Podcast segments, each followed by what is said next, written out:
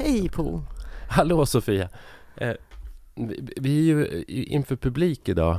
Ja, vi är i Jönköping. Ja, på landsbygdsriksdagen. Mm. Men, Alltså, publiken hörs ju inte. Alltså, nu när man har lurarna på sig så är de så här, kan ni applådera en gång? Det lät nästan pålagt. Mm. Det, Den kan vi använda sen om vi känner att vi behöver Ja, applåder ja, någon gång. absolut.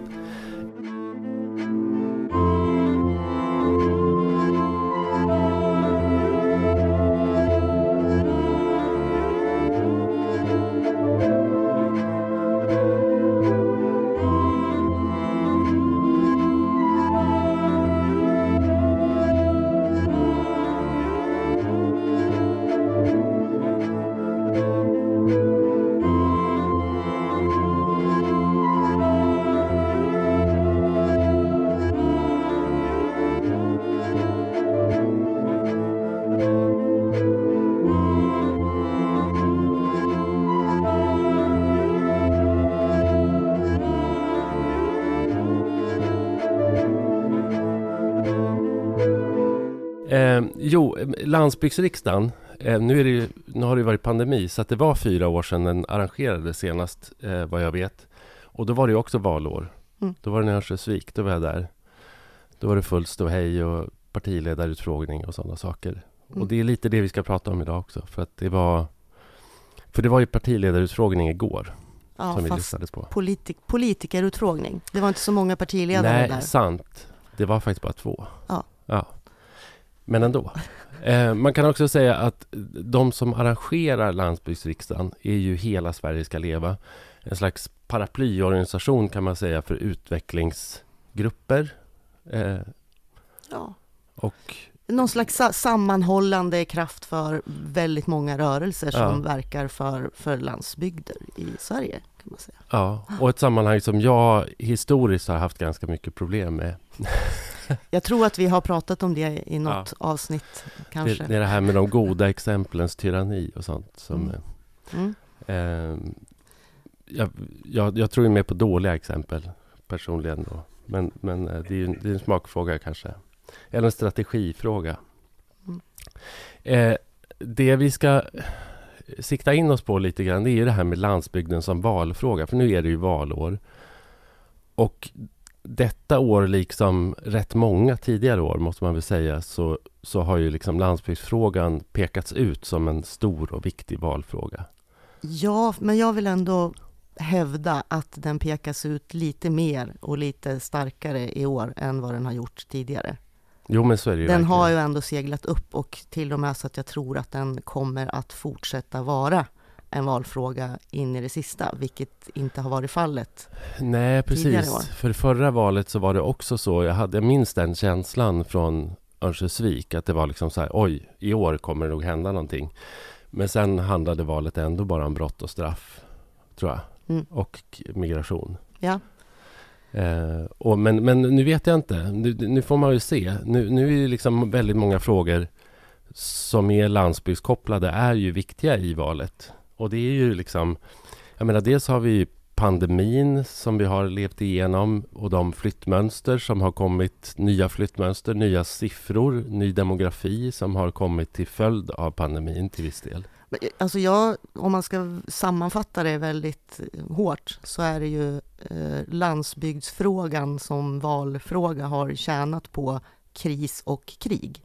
Mm, jo, det måste man ju säga. Eh, därför att pandemikrisen och inte minst kriget som pågår nu i Ukraina har ju påverkat eh, och gör att Norrland, Norrland ja, ja, norr, och landsbygden Ja. blir viktig. Också och för, landsbygdens resurser. i det precis, framförallt resurser. Och det handlar om energipriser, bränslepriser, vi måste ställa om ännu fortare, beredskap, livsmedel, Mm. eh, sånt som vi inte har pratat särskilt mycket om tidigare, men som vi börjar prata om under pandemin Mm. och som nu har seglat upp väldigt högt.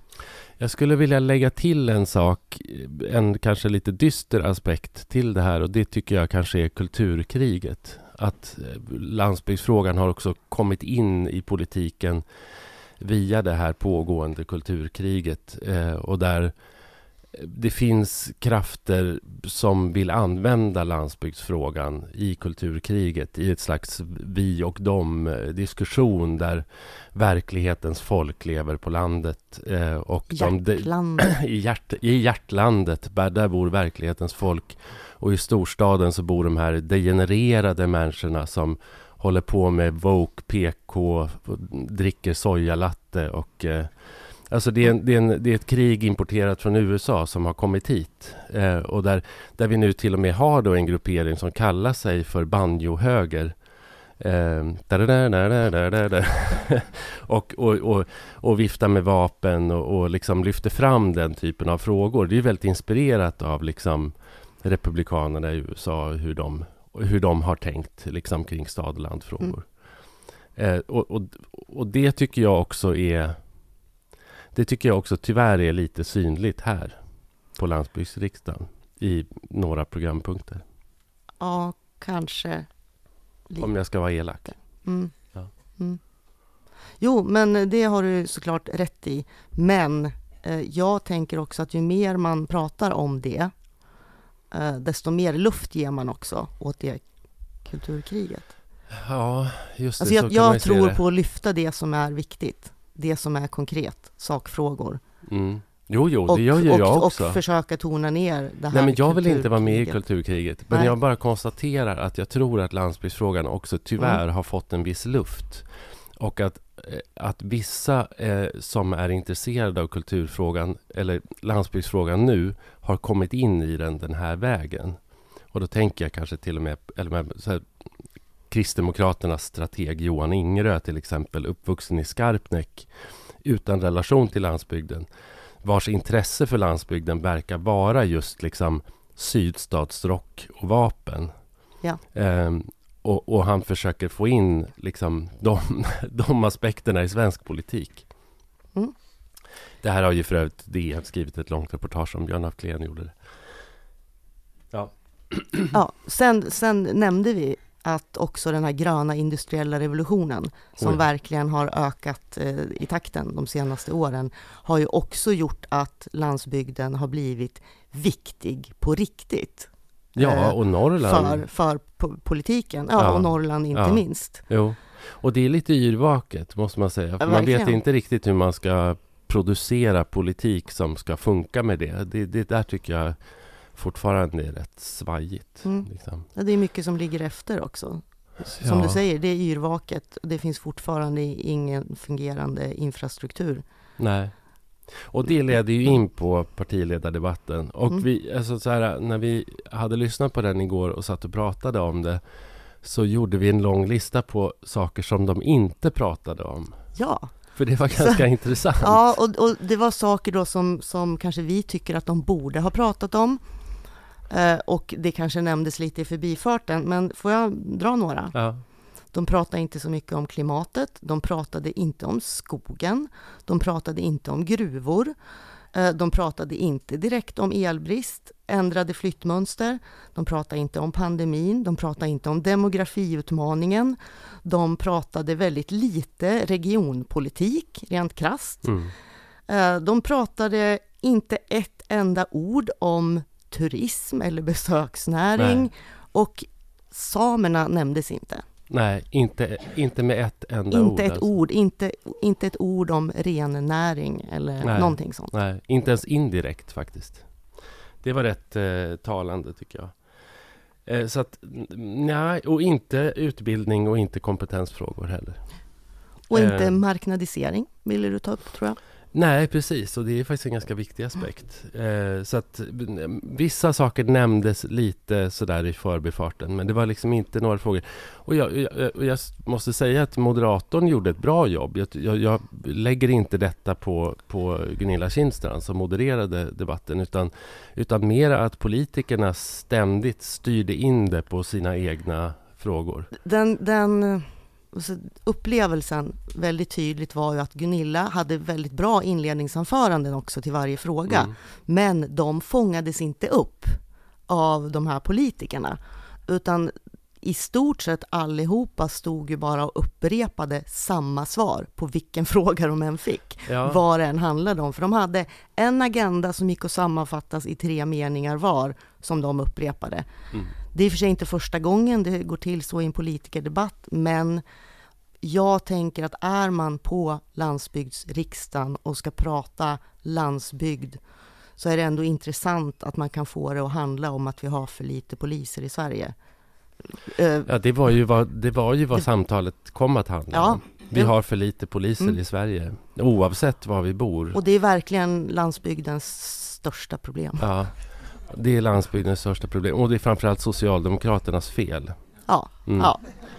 Eh, det, det måste vi komma ihåg. Mm. Mm.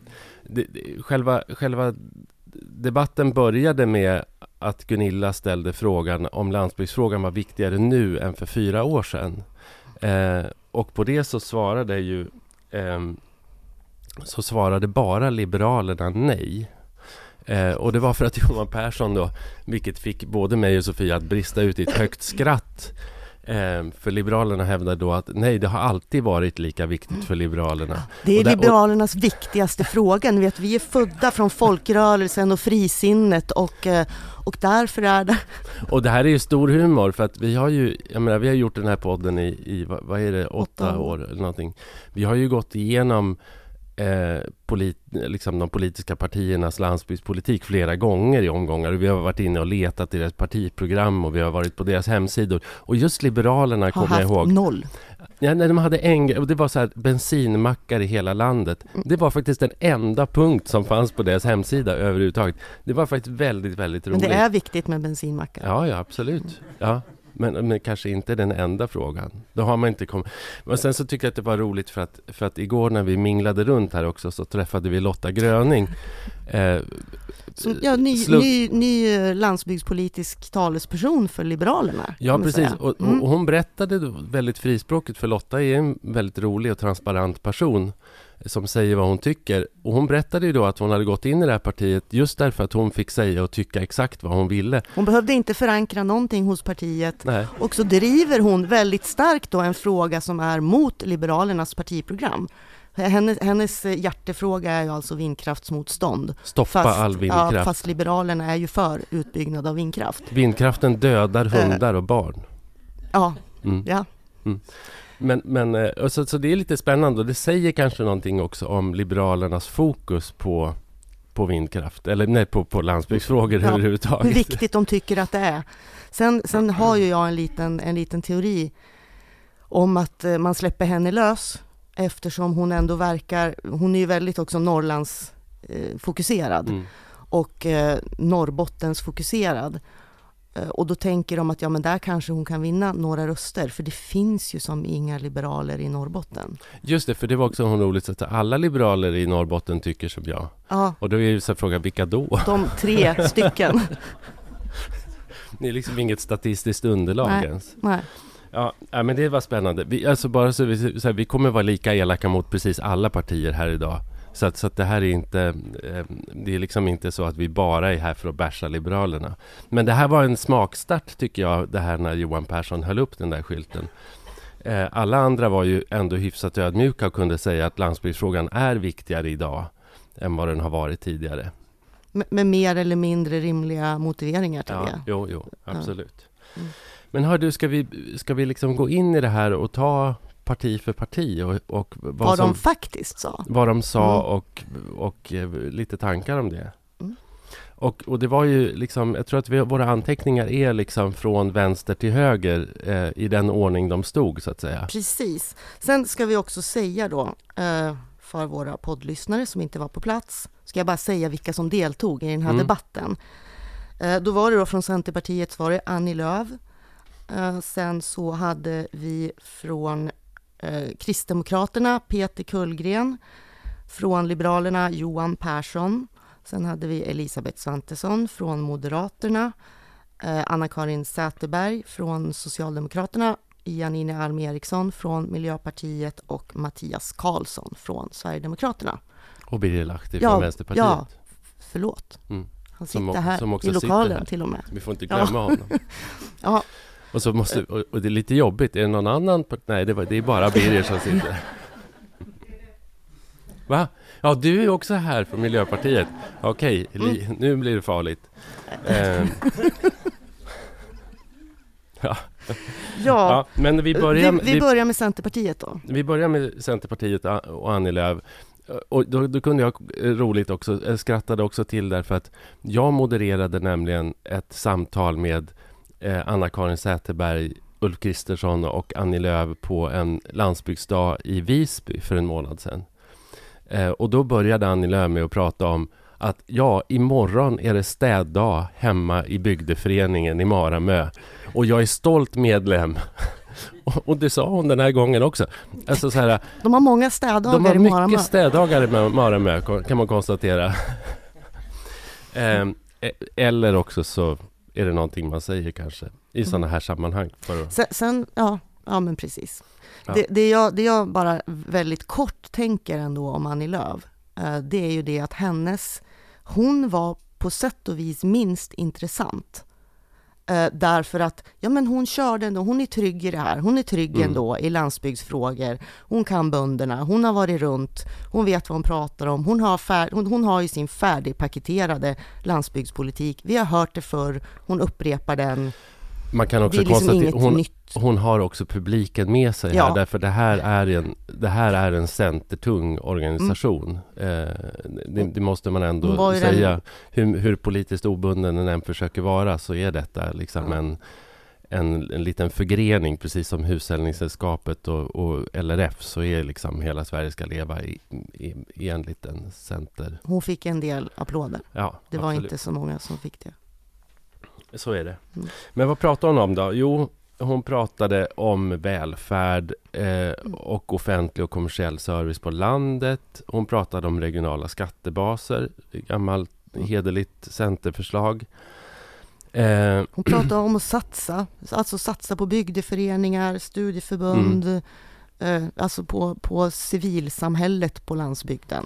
sen sa hon en jättemärklig sak som jag hoppade Mhm. till över och det var att hon kritiserade budgeten som röstade igenom, röstades igenom i december, eh, alltså den här MKD-SD-budgeten som inte la några pengar på landsbygden. Som hon, Som hon själv släppte fram. som hon själv släppte fram. Det var Ja. väldigt märkligt. Ja. Då hade hon ju i sådana fall kunnat rösta på den budget som hon själv hade förhandlat fram och som innehöll pengar till landsbygden, Ja. kan man tycka då. Ja, det var mycket Eh, märkligt. Men, men det där säger väl någonting om partiets spagatsituation där i, i den här breda mitten. Som är så bred så att, jag vet inte. Det, det, det är som ett slags svart hål i mitten och sen finns det sidor liksom. Den, den breda mitten är ju Centerpartiet och hon är väl ändå rätt trängd nu.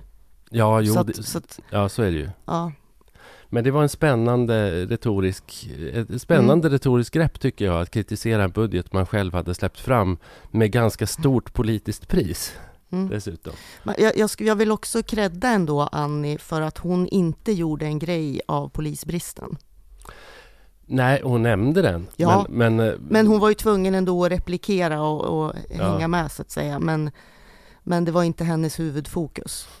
Nej, precis. Nej, och jag menar, och jag tycker att hon gjorde, jag tycker att hon gjorde en bra debatt. Alltså som du sa, hon är, hon är trygg i det här sammanhanget. Hon kan den här politiken. Eh, partiet har trovärdighet i de här frågorna. Hon är inte yrvaken. Nej, eh, hon, och hon kan, och hon är dessutom en skicklig retoriker och hon fick ju en stor applåd när hon eh, klämde till, eh, det är ju hennes bästa gren också, klämma till Sverigedemokraterna Ja. och Mattias Karlsson för att eh, Sverige och landsbygden ska vara en plats även för människor som är på flykt. Eh, Människor som du vill utvisa, Mattias Karlsson, Ja. Mm. sa hon. Eh, ja, eh, det var mycket, mycket bra, mycket starkt. ja. Ja, det var- tyck, tyckte jag också faktiskt. Mm. Och hon var också den enda som gjorde det. ja, det var det. Och hon var faktiskt den Eh, enda som sa emot honom. Och jag Mm. tycker ändå att han stod och upprepade en del anmärkningsvärda saker. även- som, som ja, borde ha fått lite mer mothugg. Jo, Men, men det kanske vi också ska säga att det präglades ju ganska mycket av att det inte var så mycket replikskiften ändå, utan att folk hade sin agenda som de skulle få ut. Och, men Annie och Mattias hade ju ändå en del. Jo, men det hade de. Absolut. Fastän de ändå var väldigt överens i sak på många sätt. Ja, för de stod också och nickade till mm. varandra eh, och, och, kunde liksom så här, vi kommer, väl, vi kommer väl fram till det lite när vi pratade om, om Mattias Karlsson och, och SDs liksom del av, av debatten. Eh, men det fanns ju vissa saker där som man såg att Annie gillade. Mm. Eh, till exempel liksom stoltheten över platsbundenheten. För den pratade hon också om, fast på, ur ett annat perspektiv. Då. Eh, men hon pratar ju väldigt mycket om det här att hon åker runt och att hon möter människor som är stolta ute i bygderna. Eh, och, det, och det, finns ju också, en, om, man, om man ska ideologisera då de här olika partiledarnas insatser så så är ju hon också väldigt förankrad i det här, liksom det lokala entreprenörskapet. Man lyfter fram det. Men jag tycker också att hon, hon har mognat som politiker. Hon kan erkänna att även samhället och staten har en roll, så att säga. Mm. Att, att det kanske inte var en helt lyckad idé att marknaden skulle bygga bredband till exempel, utan det behövs ju statliga pengar till det. Och, och, och, man önskar ju då kanske att den insikten skulle gälla andra saker också som har med marknadens roll att göra. Men Nej, men sen gillade jag också att hon verkligen lyfte det här när hon åker runt. Hon träffar att det finns på landsbygden ett väldigt stort engagemang för flyktingmottagande. Mm. Och att många mindre kommuner har ändå varit väldigt bra på det och inte heller av någon slags enbart solidaritet eller omtanke utan för att vi behöver de här människorna. Mm. Landsbygden behöver folk. Ja, och så är det ju verkligen och det och, pratades det ju alldeles för lite om mm. och det är därför så här, jag menar, den här demografifrågan till exempel som vi pekade på också som var frånvarande i debatten och som är liksom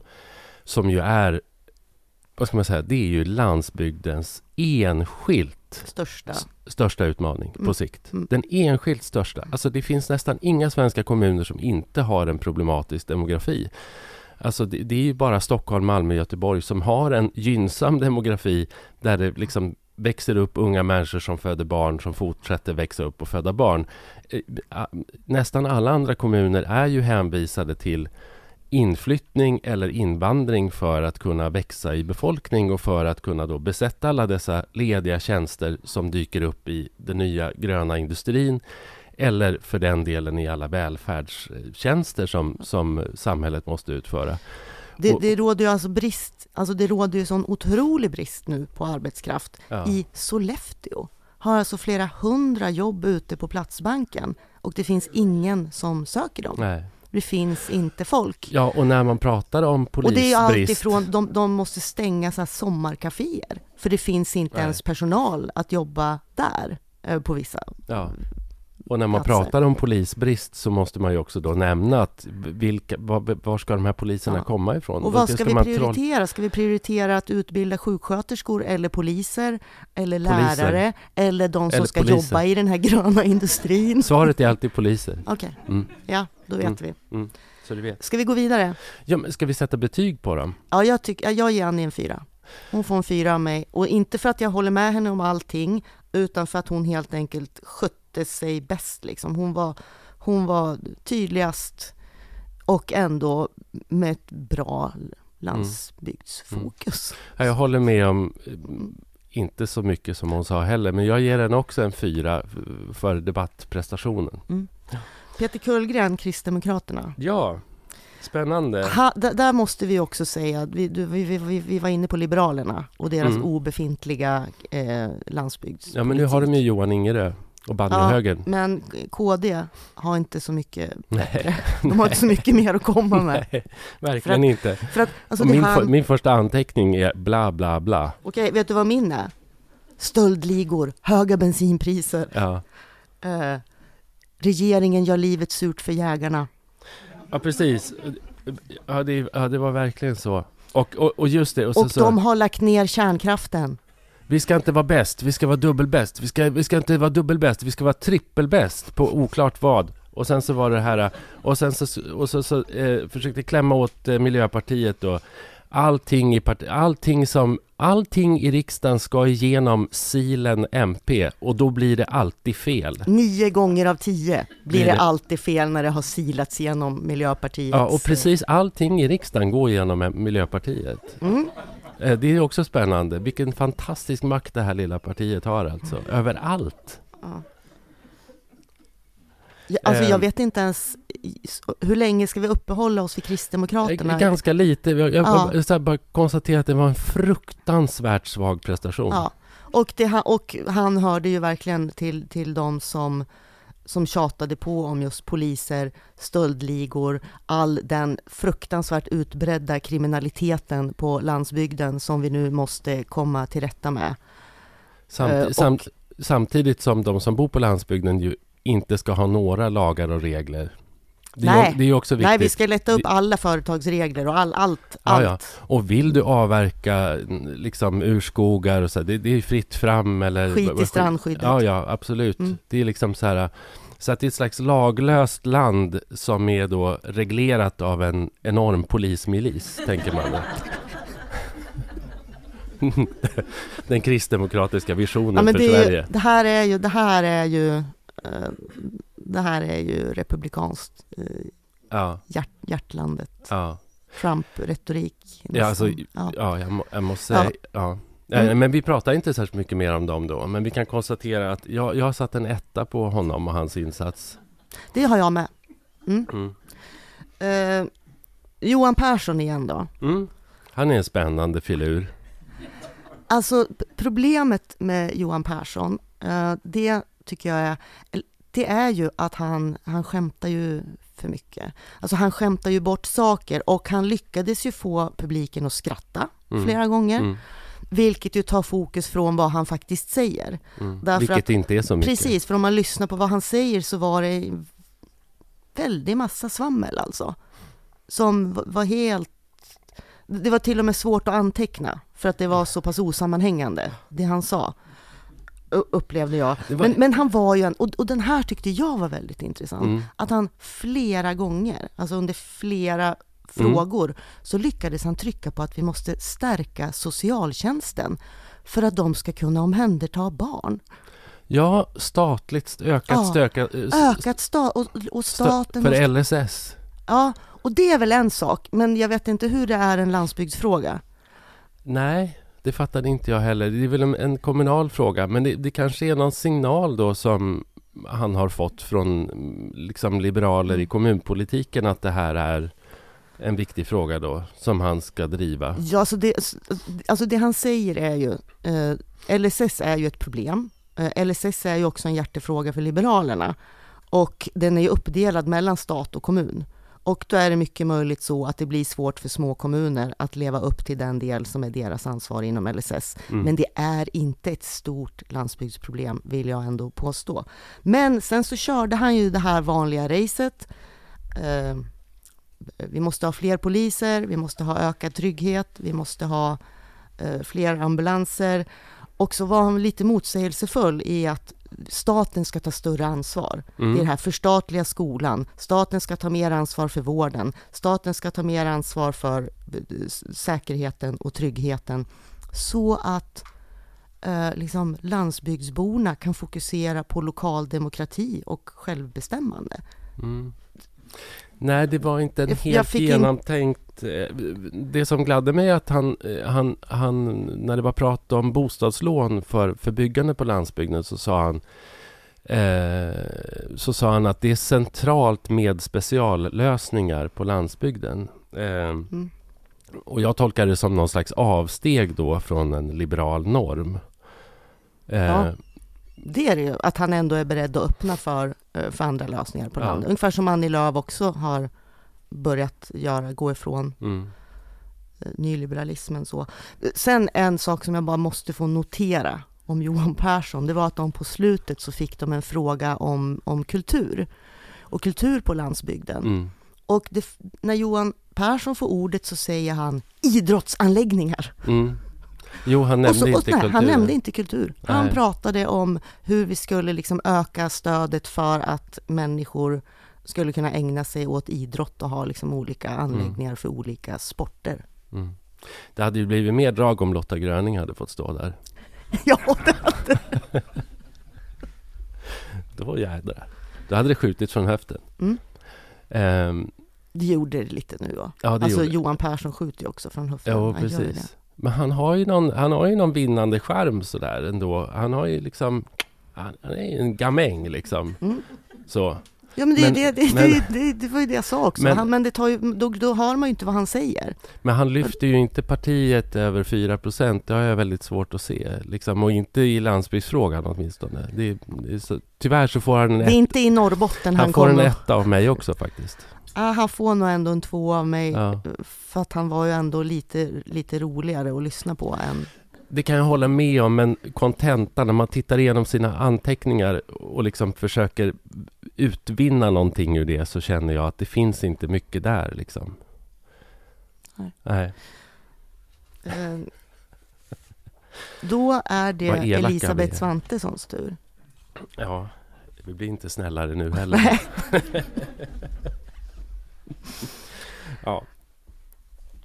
Du, du, får gärna ta henne. Ja, alltså jag tycker ju att det är svårt med Elisabeth Svantesson. Jag har så himla svårt att respektera människor som ljuger. Alltså det är, så, det är så svårt att som vuxen människa sitta och titta på när andra vuxna människor ljuger. Det är jätte... Jag tycker att det är knepigt alltså. Det händer någonting med en. Och Elisabeth Svantesson, hon ljuger ju hela tiden.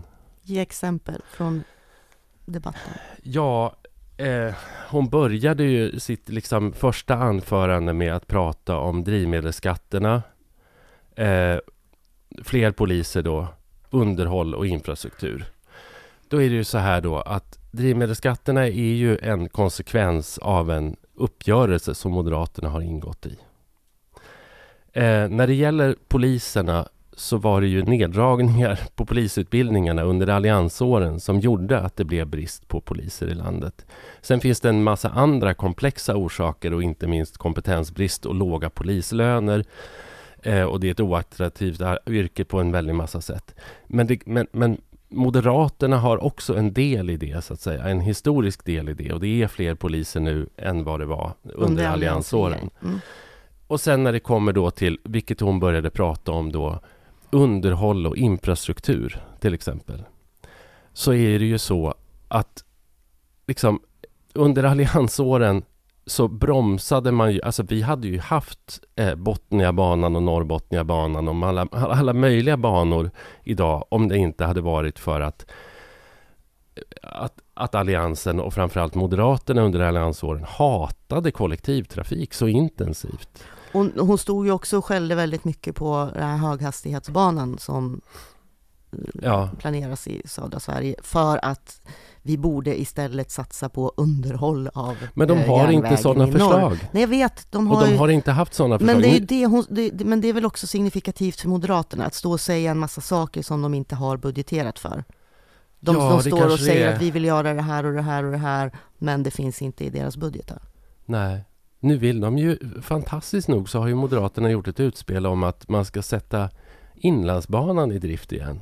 Det blir man ju glad för. Mm. Eh, tills man förstår att det handlar om att, att man ska transportera malm från, från Kallakgruvan på, det, på banan. Det var liksom det som var syftet. Men, vi, kan, vi kan också påminna lyssnarna om att, att de, den största infrastruktursatsning som gjordes i hela norra Sverige under alliansåren, det var eh, ökad bärkraft och ny asfalt på vägen mellan Kaunisvaara och Jukkasjärvi. Eh, nej, inte Jukkasjärvi, vad heter det? Svappavaara. Ja, gruv, Eh, gruv för- transportvägen. Att transportvägen från, från gruvan i Pajala till, till omlastningen i järnvägen vid, vid Svappavaara. Det kostade nästan två miljarder. Mm. Det, och det var, det var den enskilt största insatsen som gjordes. Eh, så, att, så att visst, jag menar om, om, det, om man får transportera eh, om, om ett utländskt ägt bolag får transportera malm på våra transportslag, då är Moderaterna på. När det gäller persontrafik, när det gäller allt det här som alla andra pratar om som viktigt, att knyta ihop arbetsmarknadsregioner, att, att jobba för ökad in och utpendling eh, och, och liksom människors rörlighet och sådana saker, då har de aldrig varit med. Och det är ganska intressant då att stå och liksom så här ta ton i en sån här Det, debatt. det, det är också lite intressant att, eh, att de pratar om frakt av råvaror, men ingenting om vilka människor som ska ta fram de här råvarorna och Nej. hur de ska ha det. Eh, ja, och så var det också väldigt mycket poliser, poliser, poliser. Hon sa också Hon att, sa ordet polis väldigt ja, många hon sa också att alla villor som byggs i Sverige nu har i snitt blivit en halv miljon dyrare på grund av regelkrångel. Ja, det sa hon. Det är en siffra som inte jag har hört tidigare Hon, faktiskt. hon, hon sa ju det därför att det föreslogs ett speciellt eh, bolån för folk på som landsbygden. hon var emot. Precis, hon var emot det för att hon ville hellre ta bort det här regelkrånglet som fördyrade. Mm. eh, Men de kan ju slåss ihop med, Mm. med, med eh, banjo, eh, banjokoder då och, och liksom inrätta den, Ja, här, na, de- den här nattväktarstaten Ja, på men det, svensk väl, det, det har de väl redan pla- planerat. Men det, det tror jag är en lögn faktiskt. Mm. Att regelkrångel har gjort eh, villorna en halv miljon dyrare i snitt. Mm. Jag, jag, känner, jag känner inte igen det faktiskt. Helt Eh, korrekt. Mm. Men vad sa hon mera? Det var ju då eh, poliser. Mm. Eh, var ju en stor eh, fråga. Eh, Det är för det, lite, det, för lite det poliser. är viktigt med poliser. Det måste finnas poliser i såväl Skanör som Arvidsjaur. Dygnet Mm. runt. Och, alltså, sen är det ju så här, eh, när det gäller, och, då, och så pratade de om att utbilda fler poliser. Socialdemokraterna har varit för dåliga på att öka antalet poliser. Det borde ha varit si och så många vid det här laget. Och det finns ju, vi, vi ska inte raljera för mycket här, det finns ju ett problem i glesbygd, att det finns väldigt få poliser. Absolut. Och att det är väldigt långa utryckningstider. Jaha. Och att om polisen råkar befinna sig i en by när det händer något i en annan Mm. så kanske de faktiskt inte ens kan åka dit. Eh, det är ett reellt problem, men det problemet beror ju inte på att vi har för få poliser i Sverige, utan det beror ju på hur Polismyndigheten själv har valt att organisera sig. Eh, så det kan vi lösa eh, utan att öka antalet poliser. För det handlar ändå om sammanlagt ganska få poliser som skulle behövas för att täcka, om vi säger Norrlands inland, lite bättre än idag.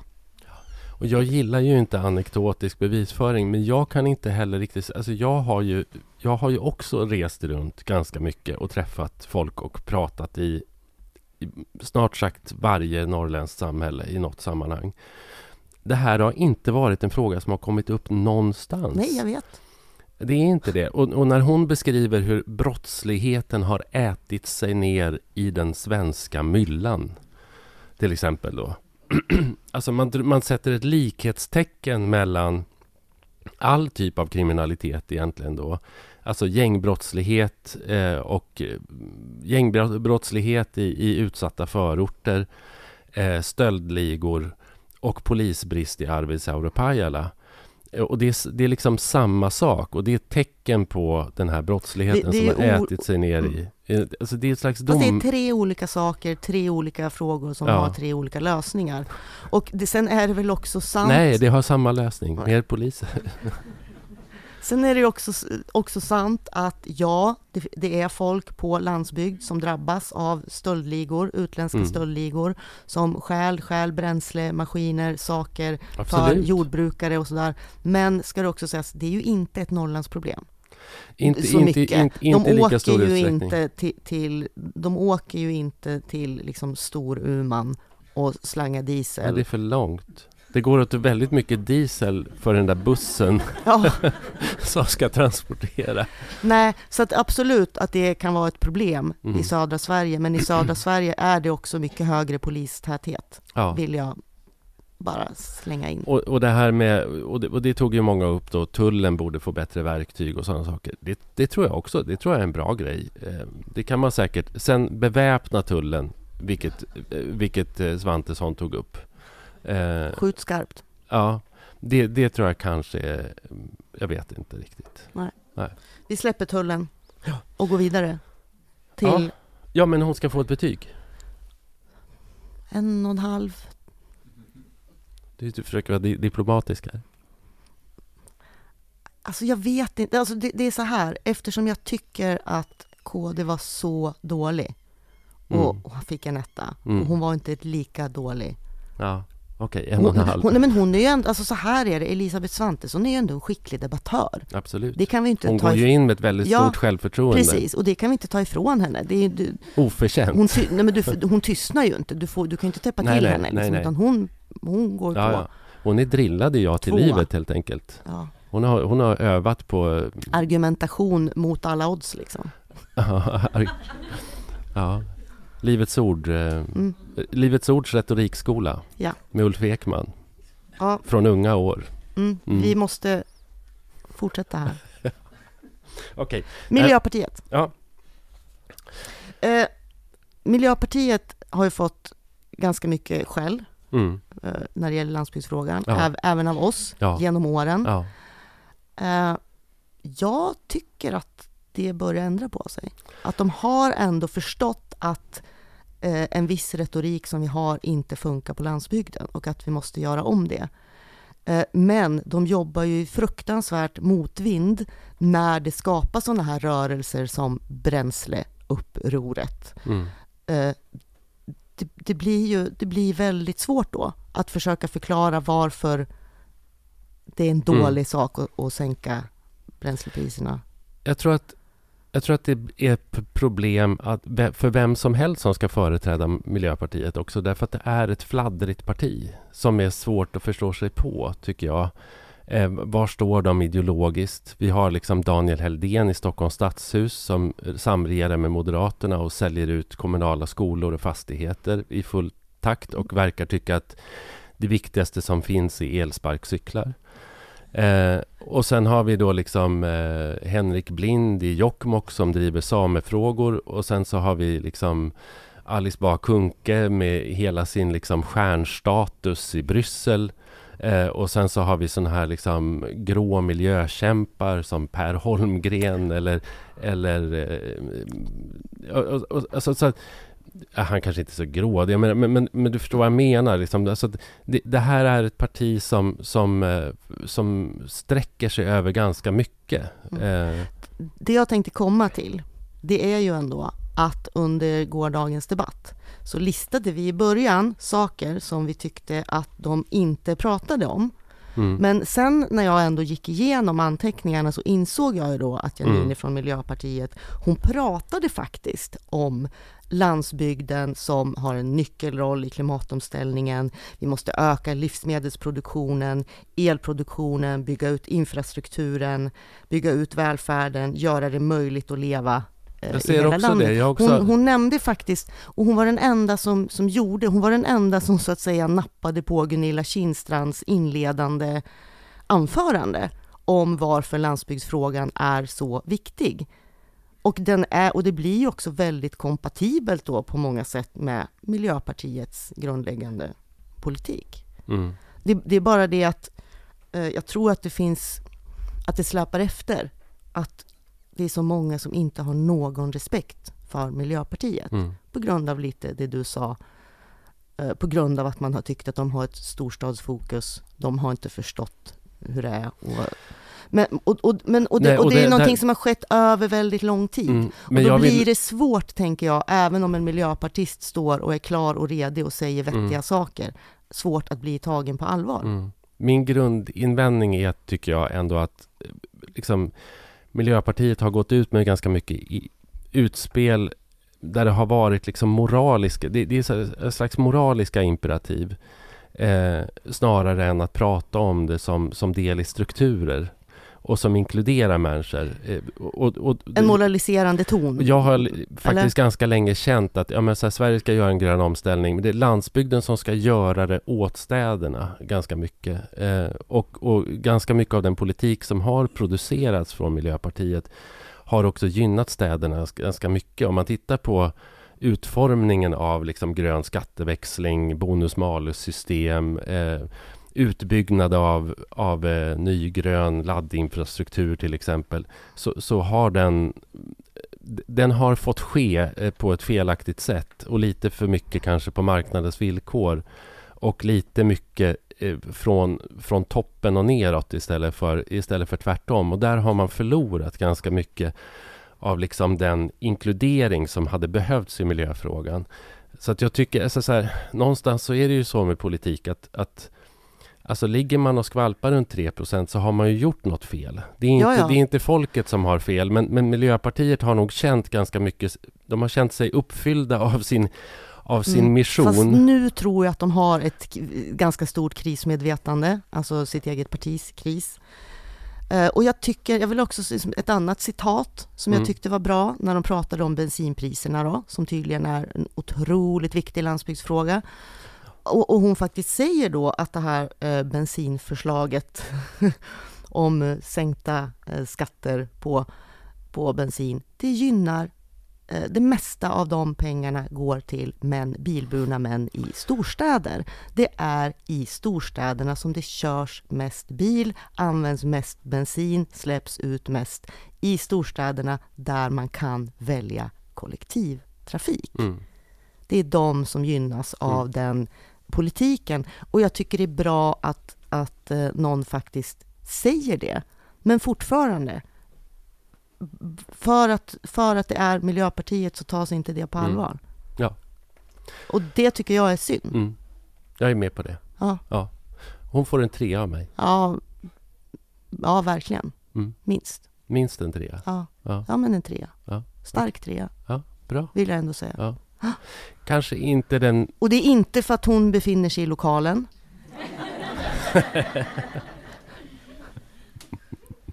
Nej. Nej. Men det var väl unt. Ja. Mm. Eh, ja, då har vi eh, Socialdemokraterna Mm, landsbygdsministern. och landsbygdsministern. Mm. Hon, pra, hon pratar ju om Åre. Eh, Mm, hon det- kommer ju därifrån. Ja, och det gör hon ju ofta. Hon gillar att prata om Åre. Det är ett framgångsexempel. Ja, det är verkligen ett positivt exempel. Hur många regionala konferenser har jag inte varit på där, där det liksom ska lyftas Åre? Alla kan göra som Åre har Mm. varit. Ja. Det är lite som där Kai Pollak, välj glädje, välj Åre. Mm. Eh, eh, Eh, och det, det stämmer ju inte riktigt, för Åre har ju liksom eh, Åre har en 120 år lång historia som, som, som turistort och eh, en, en osedvanligt hög fallhöjd med svenska mått mätt. Så att det är liksom svårt, det, det är svårt för eh, orter i Medelpad att eh, använda Åremodellen. Men, men hur som helst. Eh, jag tycker att hon gjorde ett okej jobb. Hon är skicklig. Jag tycker att hon är en skicklig retoriker faktiskt. Hon, jag tycker att hon, är liksom, eh, hon är duktig på att eh, driva in poänger på ganska kort tid sådär. Sen vet jag 17 om hon sa så himla mycket spännande. Det var liksom ta tillvara på möjligheterna på landsbygden, entreprenörskap, förädla råvaror på plats pratade om. Det tycker jag var intressant för det Mm. har aldrig varit Socialdemokraternas industripolitik när det gäller Norrland utan det har hela tiden, alltså sen den svenska industrialismens födelse så har Socialdemokraterna roverna, skeppa iväg dem. har varit Mm. instrumentella i att liksom, eh, tillsammans med industrin se till att det inte förädlas någonting på plats överhuvudtaget. Så det är en ganska spännande eh, take på det. Eh, om Socialdemokraterna nu ska börja jobba för att råvarorna förädlas på plats. Eh, om, de, om de också beskattades på plats på något sätt eh, eller förräntades på plats så skulle ju, då skulle ju saken vara biff. Eh, men men eh, det här vet jag Sen, inte. sen, sen tycker jag också att hon, vilket kanske är enklare när man har kommit in ganska sent, hon är ju relativt ny som landsbygdsminister, att faktiskt vara lite självkritisk mot det egna partiet. Mm. Där hon pratar om att det har funnits en reformiver, både liksom från Alliansen men också från Socialdemokraterna, som i väldigt stora delar gynnar medelklass i större städer Mm. och inte så mycket på landsbygden. Hon var faktiskt också tydlig med det faktum att nu för tiden så finns det jobb på landsbygden, men det är kompetensen som fattas. Så att hon Mm. var också lite inne på att faktiskt se det här demografiska problemet. Och hon nämnde faktiskt också utbildningar. Ja, det gjorde Eh, hon. Ja. Och hon var inte lika besatt av polisen som många andra i panelen.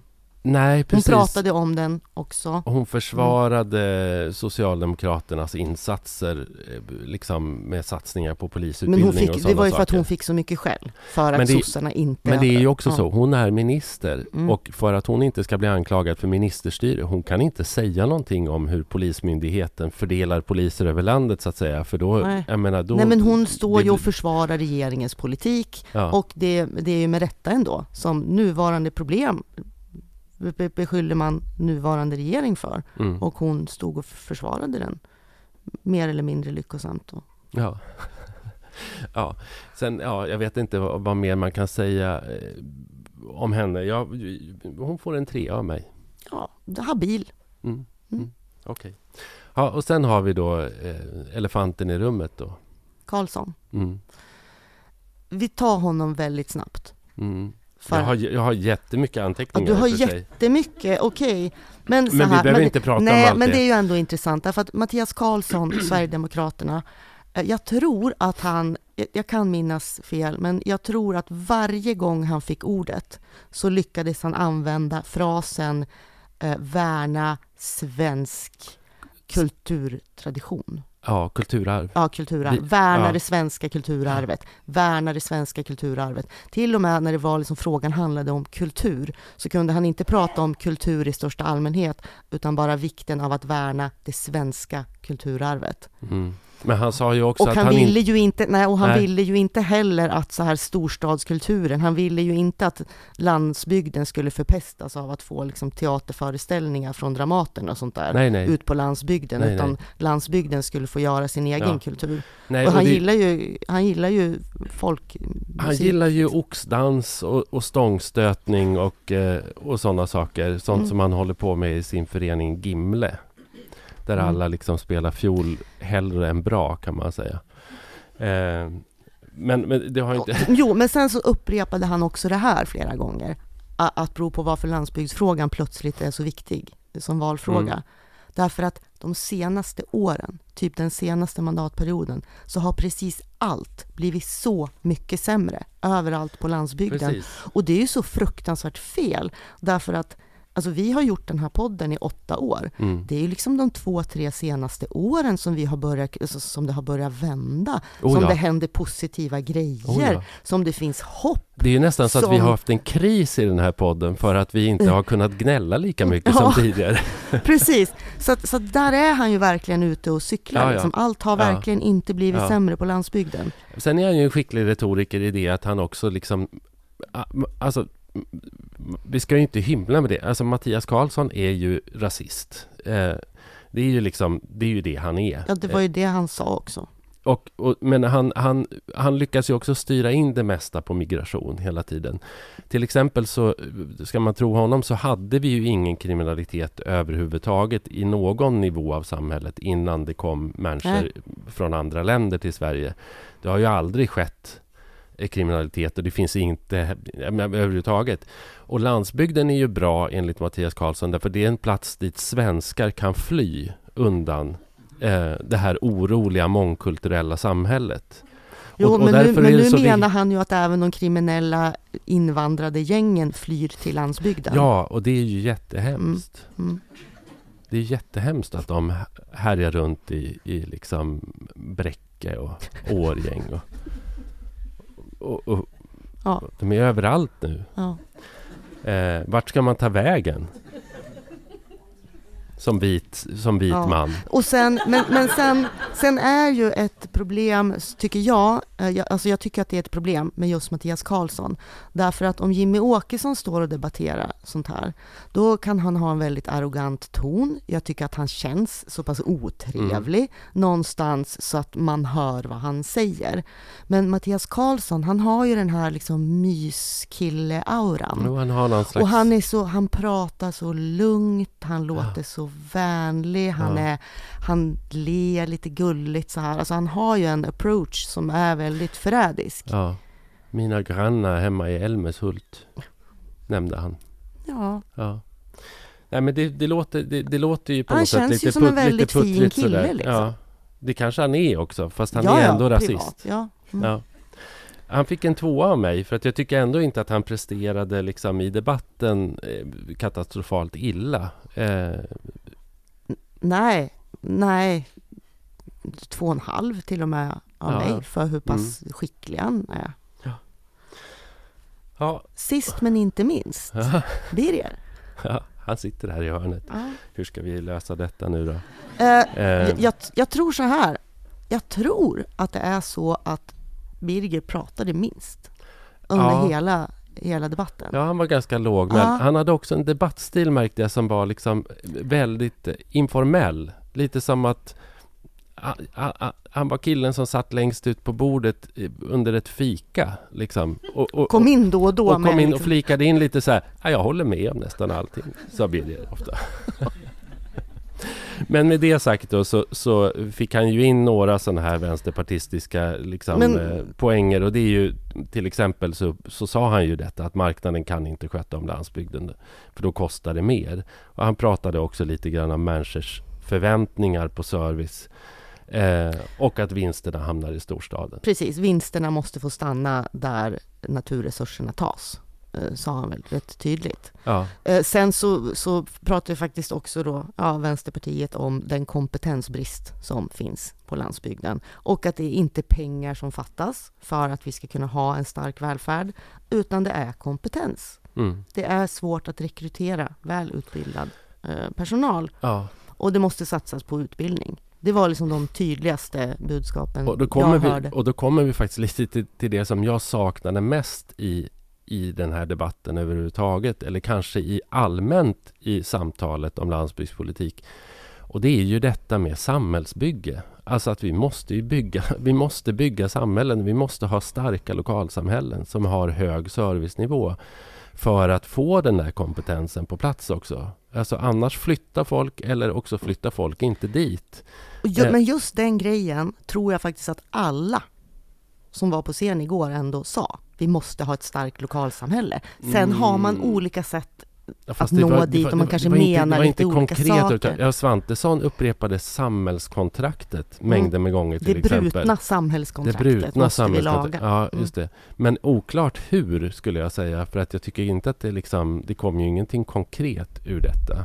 Och det här är ju ändå jätte... Alltså det här är ju jätteviktiga saker som har att göra med kommunal beskattning, eh, bostadsbyggande, välfärdstjänster, infrastruktur, massa saker. Här går det att vara konkret. Det, det, det är fullt möjligt att vara konkret i de här frågorna.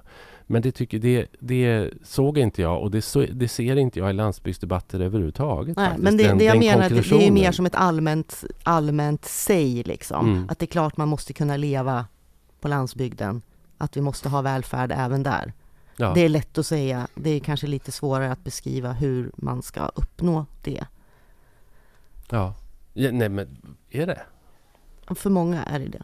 För Ja. några är det ju svårt att göra men det. om man är politiker på men- den nivån eller liksom eller överhuvudtaget i det här sammanhanget. Vi är på landsbygdsriksdagen. Då kan man prata om sådana Ja, saker. man, man, bör ha, man bör ha konkretare förslag, Ja. men alla har ju inte det. Nej, nej, nej. Det var, ja. det var det jag menade. Ja. Mm.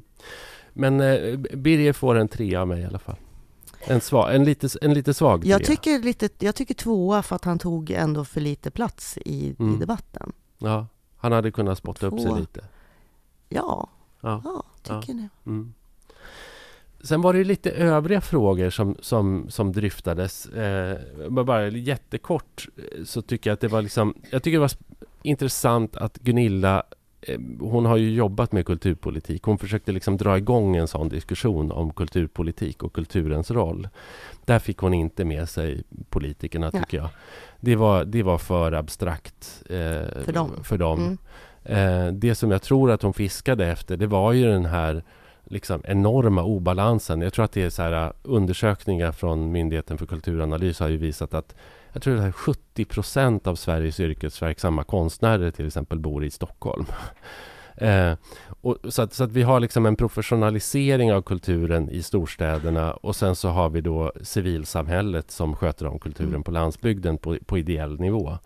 Eh, En, en kul grej ja. som sades i den debatten, det var faktiskt Elisabeth Svantesson. Medan liksom andra pratar om hur ska vi få ut kulturen till landsbygden, så säger Svantesson, ja men det, finns, det produceras så mycket kultur på landsbygden som inte kommer storstäderna till del. Ja. ja, det stämmer ju. Ja, Ja, jo. men det Mm. var ändå en skön vändning. Ja, Eller? jo, jo, ja, Mm. ja. Och mycket, mycket högkvalitativ kultur. Nu Och- måste vi faktiskt avrunda. Ja, så är det nog. Eh, en, liten, en liten grej till. Jag tyckte, jag tyckte, och det här tyckte jag var så här. Här, här var också ett försök från Gunilla Kindstrand att liksom slänga in en abstraktionsnivå som också helt uppenbart var lite över huvudet. Att känslorna av det förflutna har avvisats i, av politiken eh, i världens modernaste land. Känslorna av det förflutna. Jag tyckte det var en väldigt fin... Saknaden av det Ja. förflutna också pratade ju om. Det tyckte jag var en Mm. fin... Det var liksom en fin frågeställning. Där slutade debatten och där kanske vi också kan sluta. Därför att jag tror att det ändå är ett slags sentiment som man som man bör processa som svensk och som är väldigt central just när det kommer till landsbygdspolitik och vilka förväntningar vi har. Eh, särskilt vi som är ja, men, lite äldre. Om man är uppvuxen i Sverige under 50, 60, 70 till och med 80-tal så har man ett minne av Någonting som inte finns längre. någonting som inte Mm. finns längre och som man för, försöker förhålla sig Jag till på något Annie sätt. Lööf och Mattias Karlsson stod ju båda två och nickade djupt när hon hade den här utläggningen. Precis. Mm. De förstod det här. De förstod det. Mm. Mm. Så är det. Men eh, ska vi tacka för oss för Vi, idag? vi måste det. Mm. Tiden är slut. Mm. Eh, tack för att ni kom och lyssnade.